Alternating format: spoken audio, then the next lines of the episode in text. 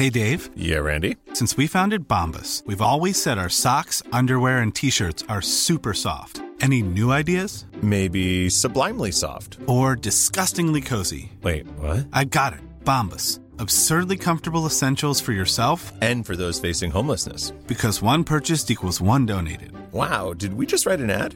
Yes. Bombas. Big comfort for everyone. Go to bombas.com slash ACAST and use code ACAST for 20% off your first purchase. Hey, it's Ryan Reynolds, and I'm here with Keith, co star of my upcoming film, If, only in theaters, May 17th. Do you want to tell people the big news?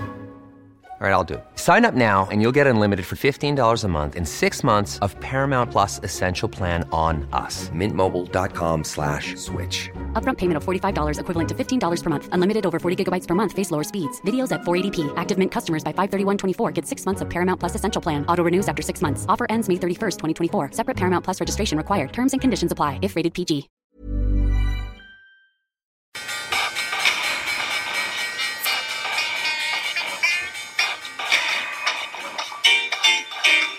The governments don't rule the world. Goldman Sachs rules the world. Velkommen til en ny episode av Tid er penger, en podkast med Peter Warren. Det føles som et år siden vi gjorde det her sist. Sikkert pga. vinterferien imellom. Ja, vinterferie og litt uh, permafrost og sånn.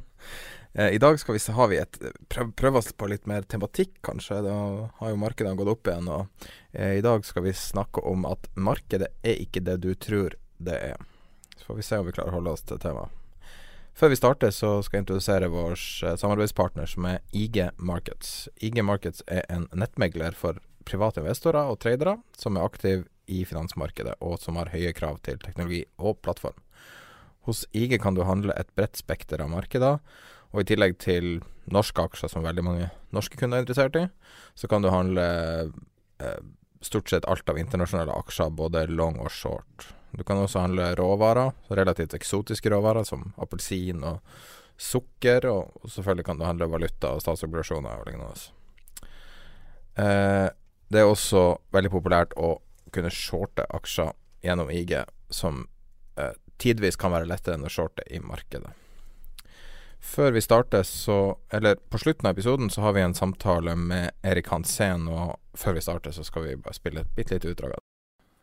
Ja, eh, du handler da antingen eh, US crude eller Brunt crude eh, og det her gjør du da via CFDs hos IG. CFDn baseras på underliggende termin som da handlas. Och eh, då har vi standardkontrakten eller vi har också minikontrakt om vi vill handla lite lägre size. Ok, da starter vi med episoden, og overordna tema paraplyen er markedet er ikke det du tror det er. Men før vi starter, så har jeg lyst til å spørre Peter. Det siste halve året så har vi snakka nesten hver dag. 99% hver dag.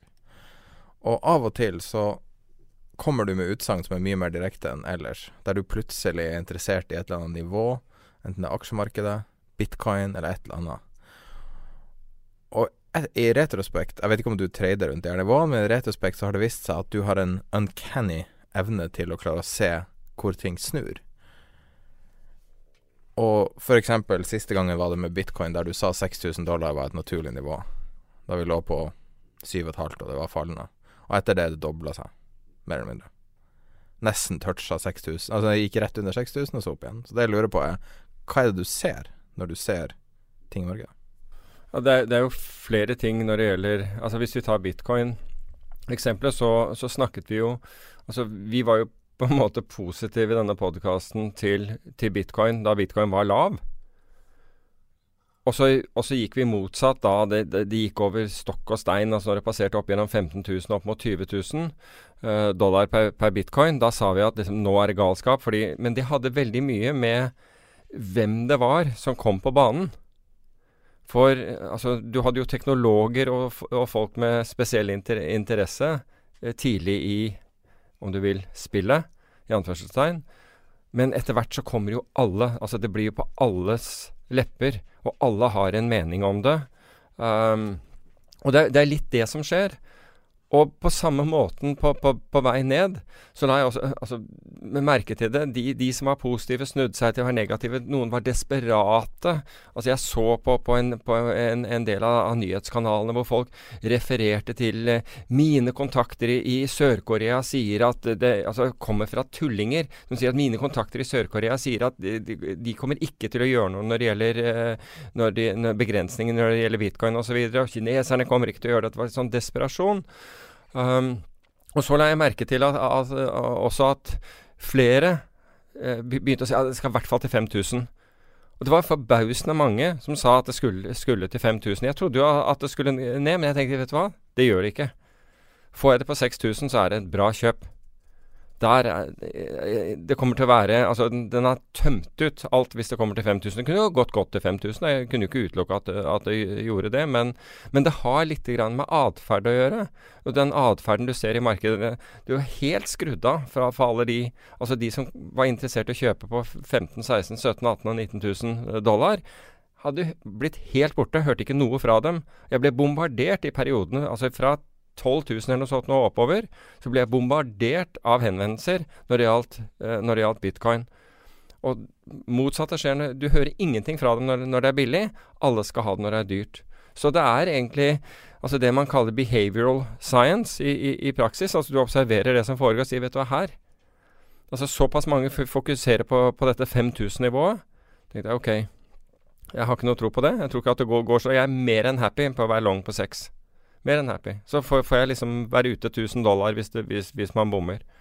Um, Et typisk eh, nivå som veldig mange er opptatt av, er helt rundt 10 000, 100 000. Er det så enkelt at du tenker at det kommer til å stoppe rett før eller rase igjennom? Ja, altså Noen ganger så har, de, har disse magisk kraft. Og da, det, det, i hvert fall tidligere så ble det, ble det uh, gjort studier på, på, sånne runde, runde, tall. Jeg vet ikke om det gjelder like mye nå, fordi nå, nå ser du spoofing. Eh, og spoofing det er at noen uh, hiver ut en ordre eller, eller selger, selger, et lite antall ned for å, for å, trygge et sånt nivå. Slik at jeg, i hvert fall i, i det siste av det, de dataene jeg har sett på, så er det ofte at hvis du treffer sånne nivåer, så reverserer det faktisk. Altså, altså La oss si du går gjennom et nivå som alle fokuserer på så går den bitte lite grann gjennom, sånn at alle stopplåser blir, blir, rett og slett utløst. Og så drar vi av gårde den andre veien. Så, så de som da setter sånn øh, buy-stop eller sell-stop-ordre på, på, sånne nivåer, blir ofte trigget feil, da. Slik at jeg bruker ikke de der. Altså, du, jeg, altså jeg, som alle andre så må jeg også ha stopplåser i markedet, men jeg bruker ikke regner, jeg bruker finansielle stopplåser. Jeg er ikke villig til å tape mer enn X på, på en handel. Og jeg bruker ikke disse naturlige nivåene som alle ser på. Det, hvis jeg er veldig langsiktig, kanskje du kan gjøre det, men, men jeg bruker mye heller finansielle stopp, stopplåser selv enn,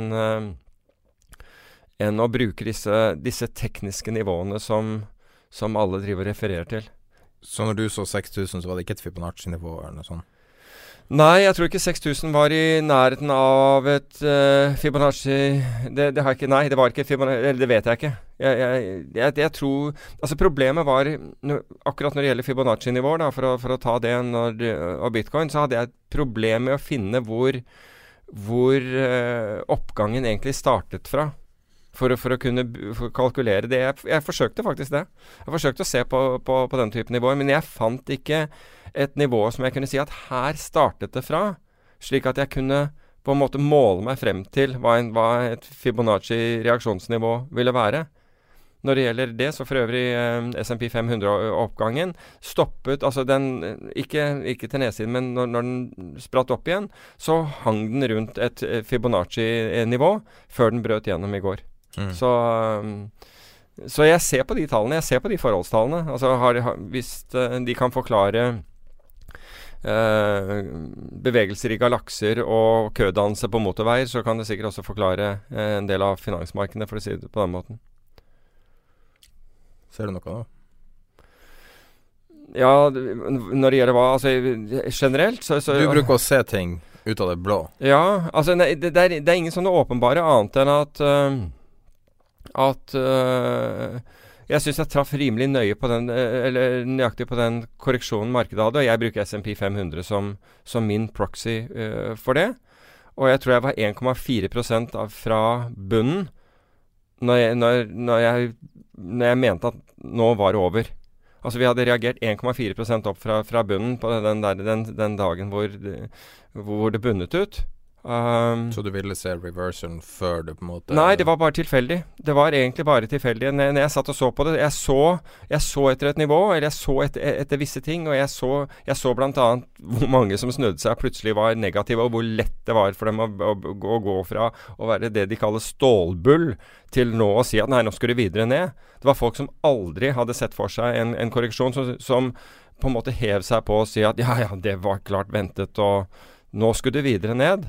Altså Det var så enkelt å gjøre det. Og, og, og pluss den, den, Det fikk så mye negativ omtale at jeg tenkte ok, her exhauster markedet. altså Her gjør det fra seg den selgingen det skal. Og så hadde du den kraftige den dagen. Der, der skjøt markedet veldig til nedsiden.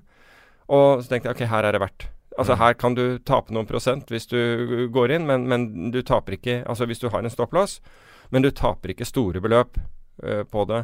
Men jeg tror at det vi så, altså bare for å si det, altså for å sette det i et større perspektiv, det var forskjelvet. Mm. Det er forskjelvet, og nå har vi en periode hvor liksom vi Som er hyggelig, før det, før det ruller over. Det er liksom den teorien jeg jobber ut ifra. Og hvorfor? Jo, fordi ting har ikke forandret seg.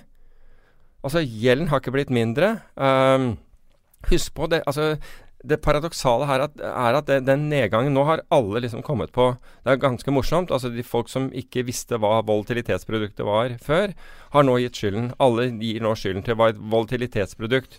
Og vi snakket om at et kryptomarked, som da kryptovalutaene totalt sett som var oppe i 600 milliarder dollar, at hvis det kollapset, så kunne det få til ringvirkninger inn i aksjemarkedet. Det mente folk at nei, det var bare tull, fordi aksjemarkedet var mye større.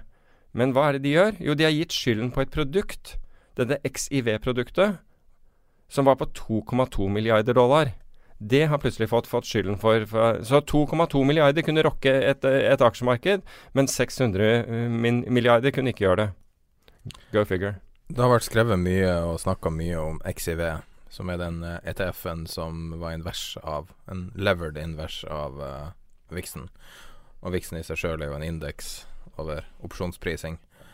Um, I hvert fall norske medier, og ikke kanskje spesialistmedier, så er på en måte historien litt sånn ufullstendig kommet ut. Der folk er over natta-eksperter på, på volatilitetsprodukter og forklarer det veldig enkelt og sier at det her er kompliserte derivater, så går de videre og sier at liksom uh, Men det var opplagt at dette var farlig, ja. Og det sier de etter at. Jim Framer kaller det en håndfull idioter. Ja. Og det, det, virker som en litt sånn ufullstendig forklaring, da. Nå kan vi gå gjennom hva det var som skjedde spesifikt den dagen. Ja, altså, Det har egentlig med hedging-mekanismen For det første, XIV-produktet er Altså, tenk på det. Det er et strukturert produkt. Laget av en bank. Kreditt Suisse laget dette produktet. Og så istedenfor å selge det som et, som et strukturert produkt, altså hva det egentlig er, så pakker man det inn i et fond. Altså en ETF, et børsnotert fond, Exchange Traded Fund, og selger det.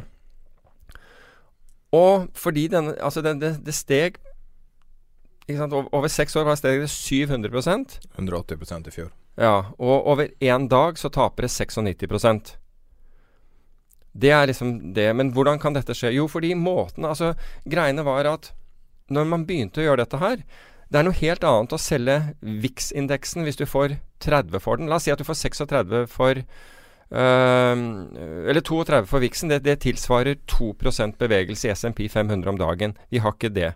Vi har ikke 2% bevegelse. Altså, det vil si at to av tre dager skal Vixen bevege Nei, unnskyld, SMP 500, som er, som er indeksen som Vixen måler, altså svingningene på. Den skulle da svinge 2% om dagen. Det gjorde den helt klart ikke. Så hvis du hadde en mulighet til å selge Vix på 30, så var det store sjanser for at du ville tjene penger. Men så tikker jo Vixen ned og ned og ned. Og på 16% så tilsvarer det 1 om dagen. Ja, kan SMP 500 svinge 1% om dagen? Ja, den kan absolutt gjøre det. Men så har vi kvantitative lettelser. Altså det at sentralbanker kjøper verdipapirer, som demper svingningene ytterligere. Så faller jo viksen helt ned på åttetallet. Det er en halv prosent om dagen. Og fortsett Og her, i området mellom 11 og 9 får de med seg Nomura, som selger dette til alle sine privatkunder. Private banking-kundene til Nomura. Det er derfor du så hele Nomura-gjengen stå der og, og med, med bukkeleken foran og skamme seg. Var det sånn det var? Ja. Så du får inn Og hvis, hvis jeg, altså, Apropos de, vi, denne chat-kanalen som, som, du og jeg snakker på, uh, på, på daglig, så var det jo flere ganger vi sa Hvem er det som selger det her nede? Mm. Vi sa jo liksom Hvem er det som selger dette her nede? Det er jo meningsløst å selge det her. Vi, ønsker, vi sa jo at VIX på rundt 9 var et kjøp. Ja. Ikke sant? Får du det rundt der, er det bare å kjøpe, ikke sant? Fordi ned, og hvorfor er det? Hvis jeg kan bare fullføre det, det resonnementet. Hvis du har f.eks. en VIX på, på La oss si at du har, har en VIX på 16, da hvis den var, var, på 16. Da har du et ganske normalfordelt utfall. ikke sant? Du har 1% svingninger om dagen i SMP 500. Det er det du egentlig kjøper eller selger der. Og du kan si at ok, sjansen for at den blir mindre eller større, kan være noenlunde den samme. Men når du flytter den ned til 8, da, da endrer du den distribusjonen. Da er nedsiden din veldig begrenset. Og oppsiden, hvis noe går gærent, blir nesten ubegrenset.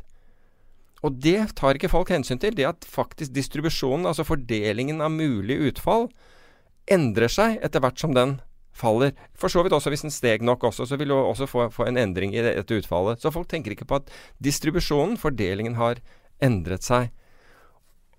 Og det gjorde egentlig ikke Kreditt Suisse heller. Mm. For ved slutten av hver dag så må Kreditt Suisse rebalansere denne, den indeksen.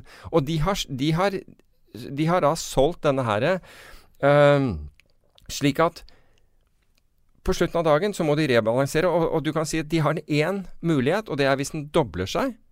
Da er det i, dokument, i dokument, eh, dokumentasjonen til, denne, til, dette fondet. Da kan de, kan, da kan de stoppe hele greia. Likvidere. Ja. Så hvis du har da f.eks. en VIX på Men, men uh, hvis du har hvis du har f.eks. en VIX på 30, så er det liten sannsynlighet at den går til 60. Det kan skje, men det er ganske lite sannsynlig. Når du har den på 10, og du får et eller annet sjokk, og gud forby 8, og du får et, et sjokk, da er det jo mer enn sannsynlig at, at det kan gå, gå, den andre. Ikke sant? Slik at det som skjer, er at når du kommer ned i De rebalanserer hedgen sin hver eneste dag. Når? Idet børsen stenger. Mm. Da vet de hva de skal gjøre. ok?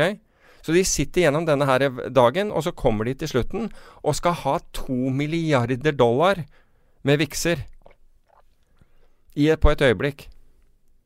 Og de kjører det markedet noe så hemningsløst, for det er jo ikke en likviditet i det. Det er tre kvart, en, eh, tre kvart omsetningen til en full dag. Ja, som future, de Futuresmarkedet. Future-markedet, ikke sant? Som, som, de skal ha gjort på, på slutten av dagen. For de er nødt til å gjøre noe enormt med, med Futures. De har 200 000 VIX-kontrakter som, som, som, må på en måte handles her. Og det er ikke likviditet til det, og så eksploderer hele produktet. Ja, egentlig imploderer. Ja, og vi satt jo faktisk og fulgte det her live, og skjønte først ikke helt hva som skjedde. Det tok kanskje fem minutter før vi Det var halvveis i, i fallet, ja. og vi skjønte at og så, så, kom over det, så satt jeg og leste prospektet. Men, men vi, vi, satt og, vi, satt jo og så på kursen til XIV. Ja, ja. Ikke sant? Og, og, det var det som var det, liksom det, det uforståelige. I det øyeblikket du så hva Vixen gjorde, så var det opplagt hva, hva de gjorde. Men vi satt jo og så på den og tenkte det her var feilprint. Det kan ikke være mulig. Men Ja, det, man skulle jo tro at det var en, rett og slett en teknisk feil med, med feeden. Fordi at uh, når, når, den er ned, ned 16% eller 10 ned dagen og så er den plutselig 50 i eh, after hours. Ja, Så du hadde to dager der, bare, bare så det Du hadde to dager. Den ene går, går, den fra 16 til 38, og den andre fra 22 til 50.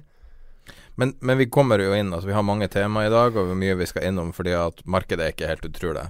Og, og det her er litt sånn at uh, vi kan si at ETF-er, kompliserte ETF-er, er komplisert og du må lese prospektet for å vite hva du dealer med. Og selv når du leser prospektet, så er det vanskelig å forstå. Ja. Men det står klart og tydelig i prospektet mm.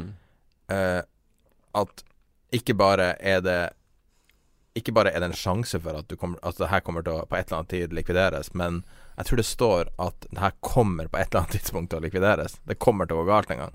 Og, og, altså Det står i ganske tydelig språk. Men folk brydde seg ikke. Jeg jobba med en kar, um, en amerikaner, før som var lasta oppi der.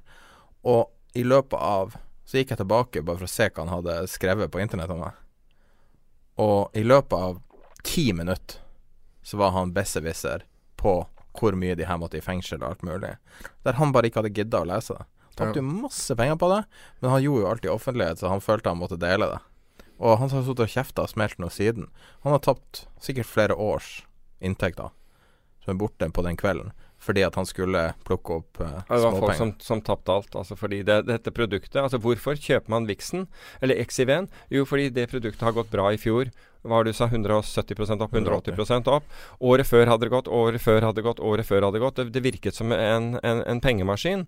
Og så hva, Det som skjer, er at det er jo ikke bare Altså, det er rådgivere som ikke har lest hva dette dreier, dreier seg om. Ta f.eks. Nomura. Private bankerne der hadde heller ikke forstått hva dette var. Og derfor så måtte de stå der, ikke sant. Derfor sto hele gjengen der og, og, og booket. Men de hadde ikke investert i det selv. Og, og, og paradokset her var jo I forrige uke så kom Credit Suisse ut med resultater som viser bra tradingresultater for første gang. Så de har tjent masse penger på det. De. Og, og, poenget er at du hører jo alltid det derre du, du, Ingen har tapt penger på aksjer hvis de sitter lenge nok. Vel, her sitter de med et fond som blir nedlagt etter et fall på 95 Eller 94% når det, når det endelig stenger. Og du får ikke de pengene tilbake. Det er ikke sånn at du kan si ok, ja, men det kommer sikkert opp igjen. Nei, fondet er stengt. Resultatet, altså tapet ditt, er blitt realisert. Du får tilbake 6% av det du av, av verdien, hvis du er heldig. Altså alle som går på en smell på en carry trade, blir som regel latterliggjort. Så hvis du eide sveitserfranc f.eks. i mm. 2008 Eller 2015, da Ja. gikk 40% Men hvis du liksom var ja. liksom, Eller igjen, ja. Ja, hvis du var dum nok til å gjøre det, Mm. så var det 'Å, hvor dum du var'. Men det, hadde jo, det var jo en ting som hadde blitt gjort i ti år før. Ja, ja. Og alle hadde sagt at det her var bare smart. Sånn at av en eller annen grunn så carry trade bærer med seg en Det bærer med seg en, eh, en eller annen stigma til en, en morsom historie der. Jeg jeg var i, i Stavanger for å holde foredrag, og rett ved, ved Sola. Og jeg skal holde to foredrag den dagen. Første på, på formiddagen og, og, og senere på, på, på kvelden. Og øh, til dette formiddagsforedraget så kommer det er massevis av, av, folk, og alle er liksom sånn ganske godt trent, kort hår og hele greia. Liksom alle ser ganske like ut, hele gjengen. Jeg tenkte, det er merkelig. Jeg lurer på om det var en sekt i nærheten eller et eller annet sånt. Og jeg skulle bl.a. snakke om val- valuta, carry trade og alt mulig sånn. Og, de, og, og faktisk advare mot det. Dette her var vel dette, Var dette i 2001 eller 2002 eller et eller annet sånt. Ehm, og så er det en som rekker opp hånda for å spørre, og da kommer politi Fordi han har jakke på seg, da kommer politiskiltet fram på brystet. Hele gjengen var politifolk. Jeg tuller ikke. De var politifolk. De ha, alle hadde lån i, i sveitserfranc eller igjen. mm. Det er ganske interessant. Altså, er noen har solgt da inn på politikammeret. Jeg har Det- hørt at folk det- selger på gamlehjem, men liksom det er noe mer risky å, å selge på politikammeret, vil jeg tro. Men det gikk den gangen. Det er bygd i Nord-Norge der 96 kjøper seg inn i pyramidespill. Og det starta med politimannen. Eller sånn borgermester Nei, hva heter det? Sånn uh, han, han, Rådmann? Nei, hva heter han? Politimannen i en sånn lita bygd. Er det, er det fylkesmann? Nei, jeg vet Ja, ikke. det, det heter det på Svalbard, Svalbard i hvert fall. Nei, hva det heter når, når en kar Lensmann. Lensmann. ja. Så, du som er norsk. um, men det her bringer oss over veldig smidig til det neste temaet, som er igjen prøver å minne oss på hva vi snakker om, at ting er ikke helt som du tror det. Og det at, at de her lette produktene er egentlig mye mer komplisert. Uh, og liksom triggere kan være relativt enkelt å se, eller, eller relativt komplisert. Men det som er definitivt det mest forskutterte problemet Alle vet at jeg kommer, og likevel tar, tilsynelatende tar det folk på senga, og det er gjeld. Og verden Det er to elementer som nå tynger finansmarkedene, og i mine øyne må være ei gigantisk udetonert bombe. Det ene er margingjeld på aksjehandel og andre produkter, som vi nå har sett i f.eks. XIV, som var belånt. Eh, men i mye, mye større grad i aksjemarkedet. Også på det andre er jo da enorme stats- og selskapsgjeld. Eh, bolka. Ja, altså, Hva bør skje? altså hvis du ser på på margingjelden, så er den rekordstor. Vi satte en, eh, forrige uke en ny rekord i USA igjen. På belåning eh, til, til, å kjøpe aksjer. Uh, kineserne uh, valgte en litt der, hadde, der, begynte de å få problemer, for det vaklet litt der borte under, under uh, den korreksjonen som, som, var i aksjemarkedet. Men de løste det veldig enkelt med, med å, å, å, stanse trading i aksjer som nærmet seg nivåer som ville kreve mer sikkerhetsstillelse. Det er ganske hyggelig av myndighetene. Da kan du bare sette deg tilbake og beklager. jeg vet, hele resten av verden detter fra hverandre, men aksjen min den har ikke nådd det nivå. Så jeg Altså, da kan du snakke om altså det, helt, altså det, som er greiene, er at det er Altså, vi har gått fra markeder som har vært relativt frie, altså med andre ord markedskreftene har fått lov å, å virke, til markeder nå som styres av, av, myndigheter i stor grad. Altså central planners, som de sier, driver, driver eh, bestemme hva som skal skje i markedene. Det er klart at det er ikke holdbart over tid, for det, det blir som en, en, en demning som får mer og mer vann i seg. Men det er, det er, egentlig det som foregår. Altså, du, du småslukker branner rundt, rundt, omkring, og så håper vi at, at det går, uh, går, videre. Så jeg forstår frykten til mange av de som, som tørnet og sa at nå går det til helvete, når, når vi falt uh, tidlig i, uh, i, måneden. Jeg forstår det, fordi de så jo også denne belåninga og tenkte å herregud, nå blir det svart her. Så jeg skjønner på en måte reaksjonen deres. Men samtidig så har vi hatt den der brannslukkingen nå. Og, og, og, igjen så virket den, da. Men, uh, men det, er, ja, det, det, er, spennende å se. Spesielt i en tid hvor, hvor man nå forventer generell renteoppgang. Det er ikke det at det er generell renteoppgang enda, men det er USA har begynt. Vi tror at Norge, eller vi eh, Mange mener at Norge kommer, altså antageligvis mot slutten av, av, av dette året. Storbritannia kan, kan, komme. EU ligger vel litt, litt og, og vaker fortsatt. Hva du syns om at uh, Bloomberg begynner å dekke live fra gjeldsauksjoner til USA?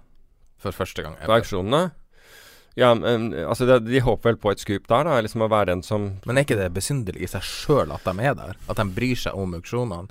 Dette er jo rullering av, av gjeld. Ja. Og gjerne kortsiktig gjeld. Ja. Og veldig, veldig, veldig mye penger. Jo, men, men, du kan si at det, det knaker jo litt i, i, i, gjeld, det er ikke bare der. Men OIS, Libor-spredden, har, har, gått ut. Altså med andre ord Bankene har mindre tillit til hverandre. Altså Banker bare for å si på den måten, de funder seg veldig mye i det korte uh, markedet. I overnight-swapper, altså i overnight-markedet. Um, eller veldig kort. altså Det er typisk for banker å gjøre det. De, de, låner inn kort og låner ut lengre. Fordi lenger ut på, på rentekurven får de bedre betalt. Så la oss si at de, de kan låne til en halv prosent og låne ut til, til 1% pluss de marginene de tar. Men nå har vi sett i, i det siste at den OIS Libor-spredden, som er som egentlig veldig enkelt, for å ikke bli helt teknisk i dette her, måler hvordan banker ser på hverandre i forhold til kredittrisiko. Den spreden har gått kraftig ut. Og den er, liksom, den er nå på 2007-nivåer. ikke sant? Altså Nå begynner det å, å, begynner å bli interessant der. Og så kan du lure på hva er det bankene ser, som ikke vi ser? Fordi vi ser jo ikke den der mistilliten til, til bankene noe annet sted. Men bankene seg imellom viser Men nå, ok, nå har vi hatt noen dager hvor den spredden har vært, uh, vært vid. Så får vi se om dette her holder. Men, men, det er i hvert fall verdt å se på. Altså Når bankene ikke syns at uh, kollegaene, altså andre banker er solide nok til at de vil låne penger ut til dem, da, da kan det være greit å sette seg litt opp i stolen. Men igjen, dette her er eh, Altså, du har et svært instrumentpanel. Her er ikke sant? Så, så, så det, dette er ikke noe Dette, dette er ikke liksom som den derre hakket før motoren din skjærer seg ty type greie. Er, den varsler at, liksom, at motoren din er litt varmere enn det den burde være, da. Men i podkasten her så har vi snakka om viksen i et år før den var relevant. Ja, og da snakket Du så jo et eller annet der, liksom. Ja, da, ja absolutt. Og, og, jeg så jo nettopp det der av tradingmulighetene. ikke sant? Når du kom så lavt den, Bare for å repetere den der distribusjonsforskjellen Altså den endringen i de mulige utfallene. Altså ingen snakker om disse tingene ikke sant, på den måten, men det er klart at hvis, hvis du har en VIX nede på 8% så kan ikke Altså, den går ikke til null med, med mindre alle børser stenger og vi får et fast vi, vi, får et fastkurssystem på aksjer. Altså Hvis du har tro på det, da, da kunne du fortsette å selge den. Men det, jeg så ikke ingen foreslå det. Men allikevel så handlet folk som om de trodde at noe sånt kunne skje. At, at nå skulle alle svingninger bli borte. Skulle bare tas bort, de. Men, men, kan, men, samtidig som du er der nede, så burde du også tenke at ja, men hva hvis ikke dette skjer? Hva hvis noe går gærent der ute? Hva hvis, hva hvis Nord-Korea, USA, et eller annet skjer, Jemen avfyrer og, og treffer en, en rakett som faktisk treffer Riyadh? Eller, ikke sant? Altså, da, da får du plutselig en, en voldsom oppgang i, i bekymring, som, som, gir seg utslag i bl.a. viksen. da. Mm. Slik at utfallsrommet ditt er helt forskjellig, og folk tenker på en måte ikke det der. Å ja, men åtte, da, da skal det til seks, da. Ja vel, ok. Men hvis vi tar OES Libor-spredden ja. jeg, jeg, kan ikke huske sist gang du refererte til det. Jeg måtte google det nå, jeg klarte ikke å finne noen nye Nei, du må, du, må jo, du må, jo, gå tilbake i tid for å se, se at den har, be, har, beveget seg ut sånn som den har gjort nå. Men, men, men, folk følger ikke med på disse tingene. Jo, men altså, nå søkte jeg på Google News. Ja. Ingen signifikant Nei, det er det jeg sier, og det, årsaken til det er at du har antageligvis ikke øh, Ikke sant, det er ikke en del av instrumentpanelet ditt.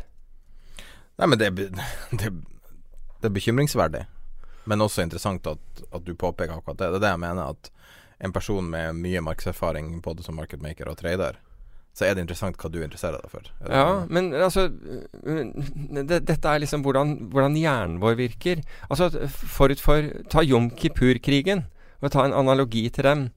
Ikke sant? Altså hvor, hvor de, de, de, en rekke arabiske stater bestemmer seg for å angripe Israel. Israel hadde en haug av sensorer ute, altså etterretningstype sensorer. De lytte, det, var, det var av, jeg tror det var egypterne som hadde en stor militærøvelse. Mm. Alt, altså, alt disse tingene, og de, de, de lyttet på. De hadde, de hadde, sensorer i bakken. De hadde alle mulige ting. De hadde til og med folk som fortalte dem, altså folk på innsiden som fortalte dem at noe skulle skje. Men de ignorerte alle, for de trodde ikke det var mulig. De trodde rett og slett ikke det var mulig at disse landene ville gå til angrep på dem. Helt inntil flyalarmene går, går av i Tel Aviv. Nå, nå, nå, vet vi liksom av historien at Israel vinner jo, øh, vinner jo denne krigen, men poenget mitt er at de, altså, de ignorerte alle sensorene der ute. Altså sensor etter sensor etter sensor indikerte at noe var annerledes. Blant annet de, de, de, lyttet jo på, på, på radiosambandet til, til, denne militærøvelsen som, som, motparten da hadde, eller jeg tror det var egypterne hadde. Og, og, og, der, og det hadde de gjort alltid. Mens denne gangen var det ingen, plutselig ingen kommunikasjon. Så det, det, brøt med det normale. ikke sant? Det fantes ingen kommunikasjon plutselig. De, de, disse stridsvognene og, og de, andre snakket ikke sammen. Og det var jo de som sa at dette her var merkelig. Og det var stadig noen som sa du, dette er merkelig. Vi har sensor i bakken. De begynner å oppfatte ting i, i områder hvor det ikke skal være noen. Er ikke det litt rart, da? Jo da, det kom inn mer og mer, og alle sa ja, det er jammen rart. Men ingen gjorde noe. Og på samme måte, ikke sant. Altså i, i, i, moderne nå så hiver man jo opp ting etter hvert som Ikke sant. I, I, dag er alt elektronisk, så du hiver opp på svære tavler alt som, som du trenger. Og, og, når du da ser det totale bildet Det er akkurat som du tar inn de instrumentene som du, du, trenger. ikke sant? Altså Du begynner å se at motoren din går varm. F.eks. ok, ta inn de her instrumentene som kan indikere et eller annet i, for, i forbindelse med det. Er det nok olje, er det osv.? Har jeg nok vann på Er det nok kjølevæske? Alle disse tingene. Som du Men nei. Ingen, ingen gjør det. Å, den er varm, ja. Kanskje den blir kald igjen. Kanskje han skjærer seg. Kan jeg stille et spørsmål om Israel, som du kanskje vet? Det kommer fra ei bok som heter uh, World War Z som er sånn zombiebok. Men det er veldig interessant. Jeg har ikke lest den. Ja. Anbefales på det sterkeste, faktisk. Okay. Helt fantastisk bok eh, til å være skjønnlitteratur. Og jeg syns zombieting er tull. Men det som er interessant der, er at du får se hvordan de forskjellige landene reagerer på zombietrusselen. Og nettopp Israel, der snakker de om at de har en eh, metode Nå vet jeg ikke om det er effektivt eller ikke, men det er en sånn, sånn skepsis i Israel for alt, alt pga. andre verdenskrig. At man mm. har sett hvor ille ting kan bli. Sånn at det de beskriver i boka, er at, at du har alltid én person som får oppgaven til å være en slags djevelens advokat. En person som får oppgaven Red Team. til ja. ja. Er det reelt, eller? Ja, det bruker, men det bruker alle etterretningsorganisasjoner. Nei, men jeg mener sånn stat. Ja, men man bruker det. Altså, Red Team brukes jo. Altså, det brukes uh, Altså, innenfor etterretningstjenester så brukes det. For å på en måte tenke det utenkelige? Ja, eh, altså eh, Nei, det brukes mer for, for, eh, for å på en måte ta den andre siden. Vi, vi brukte, jeg brukte det selv faktisk som, som forvalter. Jeg ville få noen til å ta den andre siden av et argument. Jeg, jeg ville si jeg, Ok, jeg har tro på dette. Jeg tror dette skal skje. Og så vil jeg f.eks. si til Tim, som ofte ble brukt til dette her um, Kan du Din jobb er å, fortelle, er, er, å mot, er å bevise det motsatte. Og det verste var ved flere anledninger så gjorde vi det som Tim kom frem til, enn det jeg hadde. Fordi hans argumenter ble rett og slett overveldende, og jeg tenkte jøss, det der er faktisk smartere, vi gjør det motsatte. Så det kunne være at jeg mente selv at jeg har en kjempeidé, men jeg ville bare sjekke den av, så, så få et sånn red team på, på, plass. Men vi fant ut at, at det hadde en, en større verdi, fordi noen ganger så var det, var det faktisk det motsatte som var det lure å gjøre. Kan du argumentere for at det gjeld ikke er et problem, da? Kan jeg argumentere for at jeg, Nei.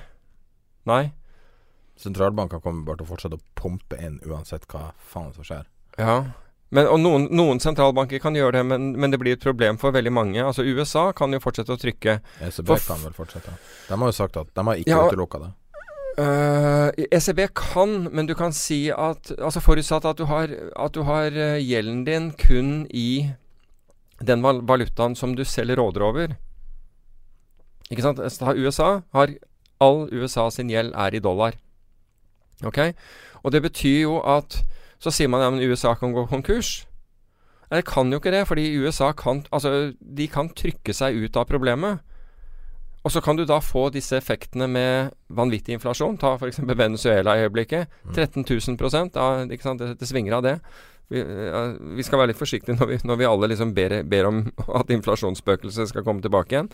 Der har det virkelig kommet tilbake igjen, og de har det ikke bra. Men øhm, så, så et land som USA kan Men det, det er kun hvis markedskrefter virker.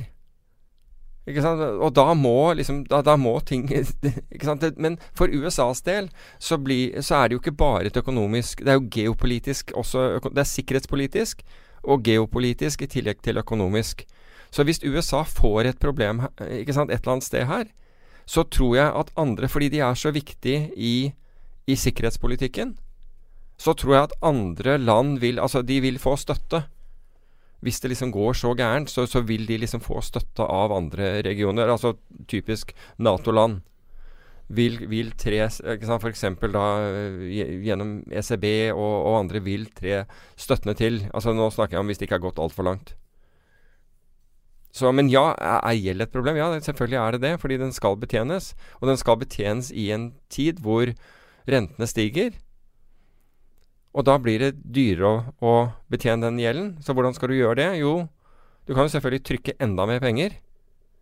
Med den risikoen du utsetter økonomien, økonomien for. Du kan øke produktiviteten din. Eller du kan prøve å spare deg til dette her. Altså, altså med andre ord kutte kostnadene dine. Men, når, men hvis ikke noe av det Men you're flat out of luck hvis ikke noen av dette, disse virker, altså. Da, da har du på en måte Da er, da er magasinet ditt tomt. Det man må egentlig håpe på, er jo at man dør før det her går til helvete.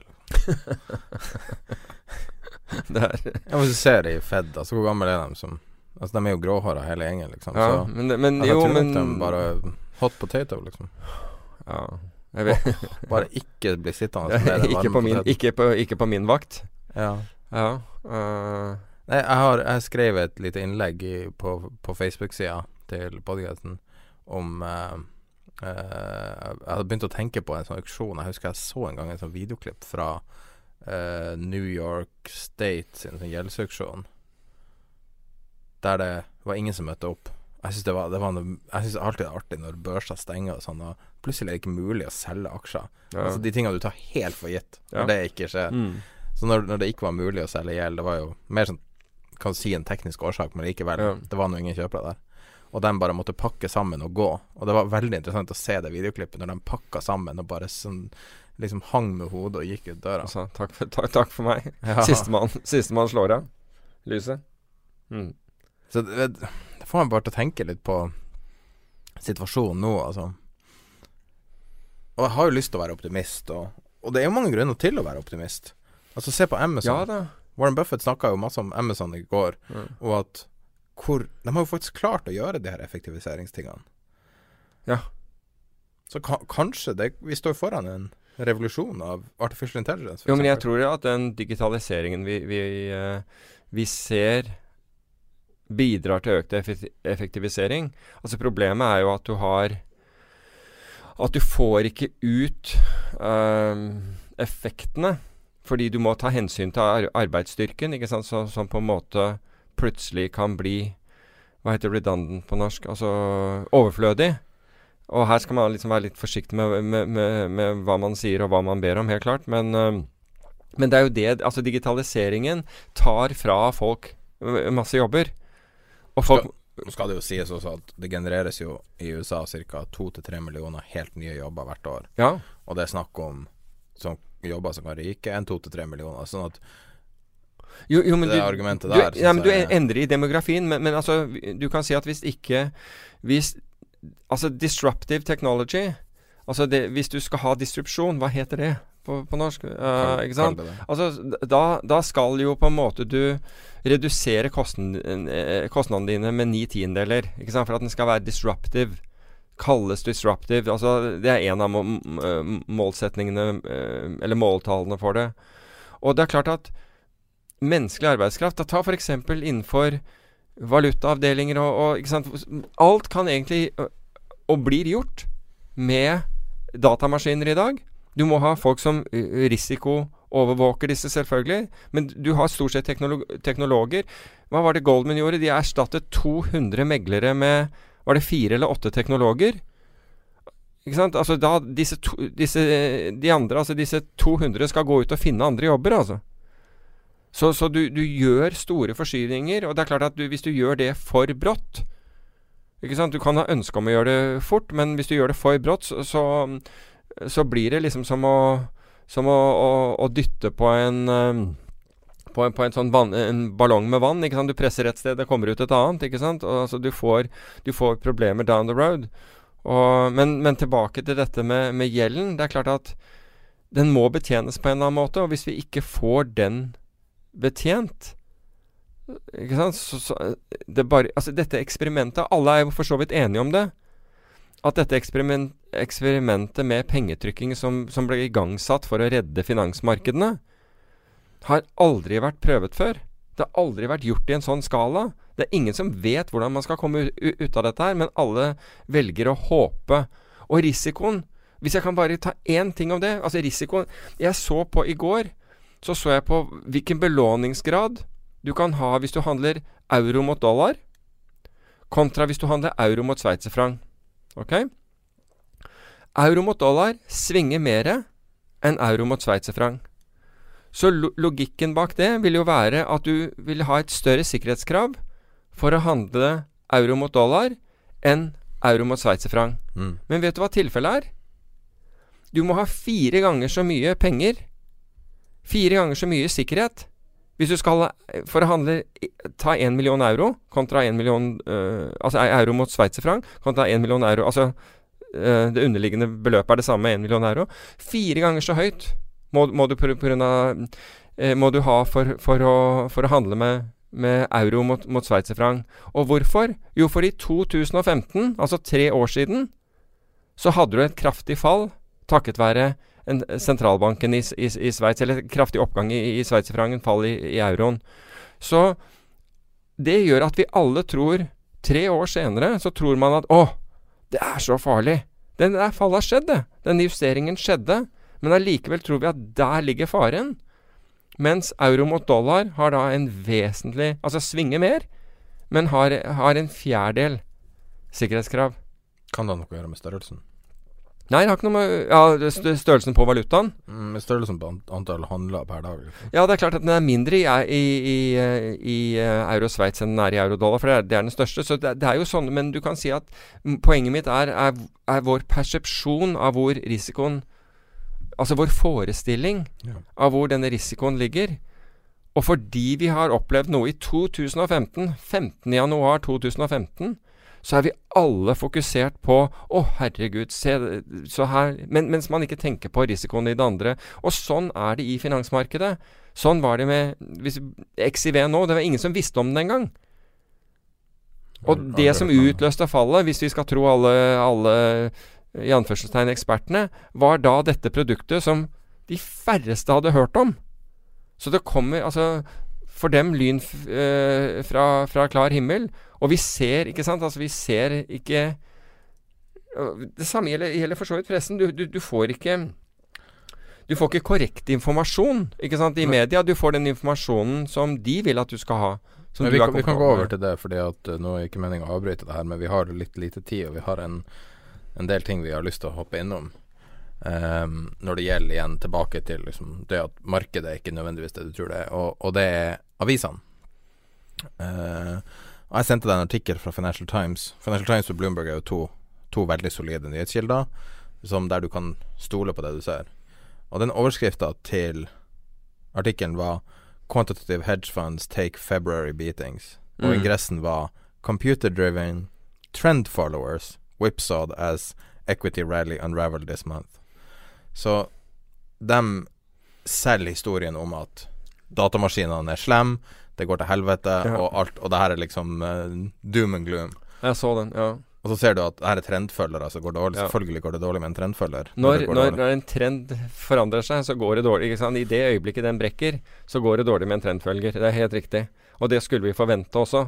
Noen gikk det veldig dårlig med, andre, andre mindre dårlig. Men trendfølgere, i det øyeblikket du får en brudd i en trend, så vil de tape penger akkurat i den, den svingen. Så det er, som du sier, helt forventet. Mens kvantitative fond Det var jo masse kvantitative fond som tjente penger under det fallet. Ingen artikler om det. Ikke en artikkel om det. Men jeg skal fortelle deg en annen, og det var en, en, en relativt stor uh, hedgefondforvalter, Paul Singer.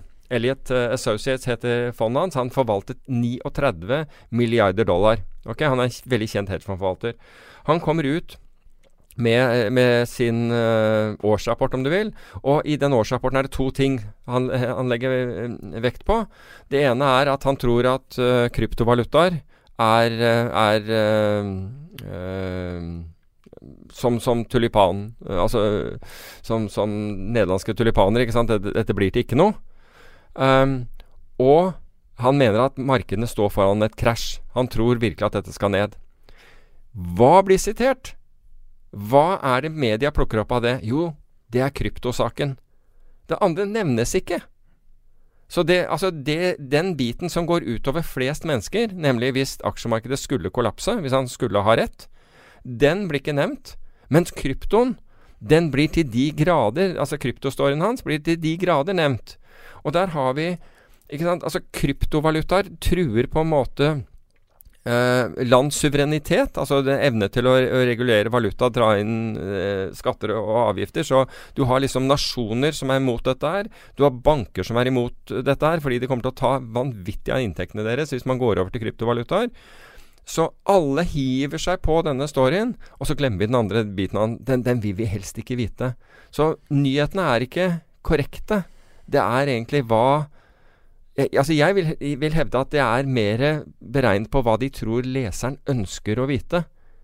Så vi har liksom forlatt det der med objektivitetsprinsipper og sånt noe. Det er mer hva tror jeg folk er interessert i å, å, vite, for da klikker de på siden min og leser nyhetene og jeg får solgt reklame. Mm. Det er liksom den biten der. Så, så jeg syns det var et godt eksempel på, på liksom hvilken ubalanse som finnes da i det. Men sånn er det. Får håpe de fleste vet det. Tror du Warren Buffett er en bluff? Det her er jeg som spør deg, det er ikke du som har sagt det. Det er vel egentlig jeg som sier det. Tror jeg Warren Buffett er en bluff. Altså Jeg hadde stor respekt for, for Warren Buffett helt frem til, uh, må jeg innrømme, finanskrisen. Da mistet jeg all respekt på én på, på, på, på, måte på én historie. Og det var når han Altså, han har utstedt forsikring på obligasjoner. Frivillig utstedt. Dette er som folk har Altså credit default swaps, altså som da øh, øh, Altså konkursbeskyttelse. Han har solgt det på bøtter av obligasjoner, både nasjonale altså obligasjoner, men også på, på enkeltselskaper. Og så vet vi hva som skjer under finanskrisen. Da er det jo mange som går konkurs. Og, disse, disse, og da må han jo selvfølgelig betale ut, fordi han har jo forsikret mot dette her. Og hva gjør han? Jo, han går til den amerikanske finansministeren og ber de å erklære disse kontraktene for ulovlige, og at det ikke skal utbetales. Mm. Og heldigvis, heldigvis så gjorde ikke amerikanske finansministeren det, for han skjønte vel antakeligvis konsekvensen at hvis, hvis han gjorde det, ville være enorme for, for markedene. Men jeg, altså, da har du ingen skam, føler jeg, når, når du har liksom bommet. Men så er, hvis vi går tilbake til Buffett, hvor er vi hen nå? Jo, altså, de hadde jo et, et resultat vesentlig bedre enn i fjor. Tjente massevis av penger. Jeg tror var, var det ikke noe sånt som en 87% resultatforbedring. Men det interessante med det er at hvis du ser på resultatet, så var 65, altså godt over halvparten, nesten to, to tredeler, kom fra denne skatteendringen som Trump gjorde. Mens han tapte for første gang på 14 år, så tapte han på reassuranse. Og, og der, var det, der var det disse disse katastrofene. Altså, hva het de? Mariah, Harvey, og så var det en til. Eh, prøver å huske den siste katastrofen. Det var vel Irma. Altså disse, disse Hva heter det for noe? Orkanene. Som gjorde Fordi altså han er jo det han driver med, er jo, er jo assuranse. Han er kjent som investor, men han er verdens største risikotaker. Ja, altså Det han gjør, er at han selger forsikring. Ikke sant? Det er det han gjør. Han selger forsikring på alt mulig, inkludert mm. konkursforsikring og alt mulig. Han tar da pengene som han får inn, og investerer dette her i aksjemarkedet og andre. De hadde jo Jeg tror øh, Hva var det jeg så? De, trapp, de tapte tre milliarder Altså Berkshire Hathaway tapte tre milliarder dollar før skatt på, på disse katastrofene.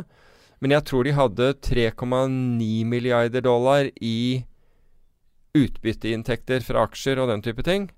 Så, så alt i alt tjente de penger. Men en stor del, altså som sagt to tredeler av resultatforbedringen, resultatet kommer fra, uh, kommer fra den uh, skatteomleggingen som Trump har gjort.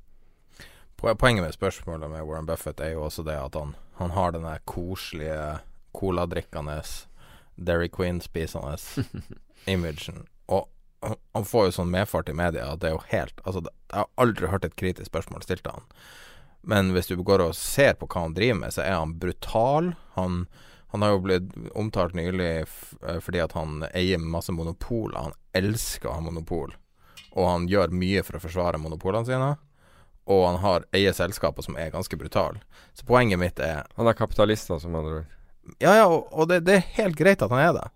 Men det som irriterer meg helt grenseløst, og veldig mange andre også vet jeg, er at han blir fremstilt som en sånn uskyldig, forsiktig gammel bestefar. Ja, ja. Han, og, og, det finnes jo noen andre varianter, både i Norge og inntil nylig i Sverige og andre plasser, som har litt samme image, som er brutale forretningsmenn. Og, og det er helt greit å være en brutal forretningsmann, men det er litt det der evinnelige bare at, at de, Hvis de bare spiller litt opp for kamera, så kommer de unna med nesten hva som helst, altså. Ja. Ja, han, ha, han, har jo helt klart en, en sånn aura og en image uh, rundt seg. Men, men altså at, at, han er en grov kapitalist, det, det tror jeg liksom på, på, på, basis av resultatene hans gjennom tid. Men Altså Det som jeg ikke likte, det, det, var liksom the moral fiber av det. Altså den dagen Altså du har gjort alt dette her, og så den dagen det går galt, så løper du til myndighetene og ber de mm. kansellere eh, ikke sant, alle forsikringer. Du har fått penger for å forsikre. Mm. Altså Tenk deg selv, du har, du har betalt til forsikringsselskapet ditt, men du, du, får ikke noe igjen når, når, det brenner. Vi skulle egentlig ha tatt opp uh, den nye kryptovalutaen til uh, Venezuela som er knytta opp mot mm. oljeprisen, Petro, men jeg vet ikke om vi har tid til det. Nei, jeg tror vi, vi går litt uh, tom. Det, altså det eneste som kan sies med, med det der, det, det, det, er to ting som kan egentlig sies med, med dette her. Og veldig mye på basis. Det var en artikkel som jeg leste, jeg husker ikke hvem som hadde skrevet den, men jeg hadde sikkert ikke nevnt det her heller, siden jeg var, er sterkt kritisk til, til den. Uh, som jeg tror var i forrige uke i Dagens Næringsliv, hvor en eller annen uh, en skrib, ikke, ikke, en av Dagens Næringslivs-folk, men en gjesteskribent, mener at, uh, at alle disse kryptovalutaene er verdiløse fordi det er ikke noe bak dem osv. Altså Venezuela er jo et eksempel på, på, et land som har stilt noe bak kryptovalutaen sin. De, har, de skal da selge 100 millioner uh, petro, som de kaller denne, denne, denne mynten, denne digitale mynten. Og og den er backet av landets eh, oljereserver. Slik at det er noe bak eh, denne her. Og, og, jeg tror vi kommer til å se mye mer av det. Så, så kan man så, Altså, de har jo allerede solgt Var det første dag, hevder de selv da, hvert fall, at de har solgt for 735 millioner dollar. De skal selge i to transjer. De hadde solgt for 735 millioner dollar første dag uh, av, av, denne, av, av denne valutaen. Det er en måte for Venezuela, som da har 13 000, som vi nevnte, 13 000 årlig inflasjon, og, og, valutaen er ikke verdt noe, til å, å, prøve å få inn penger. Prøve å liksom stabilisere økonomien, så får vi se om, om de klarer det eller ikke. Men så får jeg ta det andre argumentet, et, et annet argument som var brukt av den samme uh, gjesteskribenten, og det var at uh, bitcoin um, eller disse kryptovalutaene, hadde ingen rente. Altså du fikk ikke, du fikk ikke, noe, fikk ikke noe utbytte og ingen rente, og derfor var det ikke verdt noe. Vet du hva? Det er 16 lands statsobligasjoner, to års statsobligasjoner, som har negativ rente. Mm. Oh, jeg har sett den ja, skjønner du? Ja, altså, jeg orker ikke så enkle, altså, så enkle og lite gjennomtenkte argumenter. Men det er bare å si at du ikke liker det. Du trenger ikke å komme med sånn bullshit-argumenter. Ja, nettopp. Ikke sant. Altså, gjør hjemmeleksen din. Ja. Ikke sant? Fordi det har konsekvenser. Hvis du mener det, så mener du da disse 16 landene. Hva, hva mener du da om de? Ikke sant? Med Fiat valutaer og hele pakka. Mm. Her er det statsobligasjonen deres som, som, har negativ rente. Altså fullfør på en måte resonnementet ditt litt. Men uh, ja. Vi er over tida nå, men du ville snakke om uh, noen bøker. Du hadde fått spørsmål om å anbefale noen, uh, ja, bøker. Det, det, er helt riktig, og det måtte jeg liksom sånn der i haste, ha, haste meg til. Det var bøker om trading, fordi jeg hadde gitt noen andre bokanbefalinger ved et par anledninger. En mm, av de anledningene var her, og den andre var på en, en konferanse. Um, og altså, poenget er altså, vi, Når vi snakker om tradingbøker, så er det alltid vanskelig å Altså Hvis folk tror at de skal få vite en metode i tradingbøker, så tror jeg kanskje at de kan få vite det i noen. Men metoder virker Altså, du må hele tiden fornye deg. Så jeg ser veldig lite verdi av det. Men hvis jeg, hvis, hvis jeg skulle liksom lest tradingbøker, så ville jeg, vil jeg, faktisk plukket opp Jack Swagers Market Wizards-serie. Uh, lest om Tom Baldwin, som var den største pit-traderen i Chicago, som sto på i, i, i T-bonds. Richard Dennis og disse Altså, lest historiene til disse, som er ekstremt inspirerende. Eh, og også lest de bøkene de har, han har i nyere tid. Og så har du, Men hvis du skal vite mer om deg selv, fordi eh, som sagt, at the end of the day så er det hvordan, hva du gjør, hvordan du opptrer, så vil jeg kanskje lese 'Trading in the Zone' av Mark Douglas og The Hour Between Dog and Wolf av John Coates. De handler begge om liksom det som foregår mentalt. Men den ene handler om hvordan liksom komme mentalt i riktig sone. Og den siste, altså den til John Coates, den handler egentlig om Den forteller egentlig om hva det er som påvirker deg. Hva det er som skjerper deg. Hvilke på en måte eh, hor, altså Tro det eller ei, hormoner, altså steroidhormoner, som, som på en måte er inn som, som kobles inn. Og hva de gjør med deg. Fordi dette er nyttig å forstå. Altså hvis du klarer å forstå, hvis du klarer å forstå deg selv, så har du gode muligheter i, i, i trading. Problemet er at folk ser ikke på det. De prøver å og de, de, prøver, altså de skal vite om, om, man skal bruke en 15 kontra 17 dagers glidende gjennomsnitt eller et eller annet sånt. Eller er, Og tro meg, det er ikke det det handler om. At the end of the day, det er ikke det det handler om. Det fins ingen hellig gral der ute. Det fins ting som virker nå, og ting som virker da, men det, ikke, det er vanskelig å finne noe som virker hele tiden. Da må du ha flere indikatorer og gjøre mye arbeid. Så kan vi heller komme tilbake med, med flere Hvis det er eh, Det fins gode bøker om opsjoner, det fins tonnevis av dårlige. Um, så det er altså litt ettersom hva man ønsker å lære om. Perfekt. Da er vi fem minutter over tida, så vi er jo egentlig ganske on time, da. Eh, da avslutter vi denne episoden med en samtale med Erik Hansen fra IG Markets. Norge er et oljeland, eh, og det er veldig sånn naturlig ønske om å trade olje og ta posisjoner via oljekontrakter. Hvordan gjør man det hos IG? Ja, eh, du handler da enten US crude eller Brunt Crude. Uh, och det här gör då via CFDs hos IG. CFDn baseras på underliggande termin som då handlas. Och eh, då har vi standardkontrakten eller vi har också minikontrakt om man vill handla lite lägre size.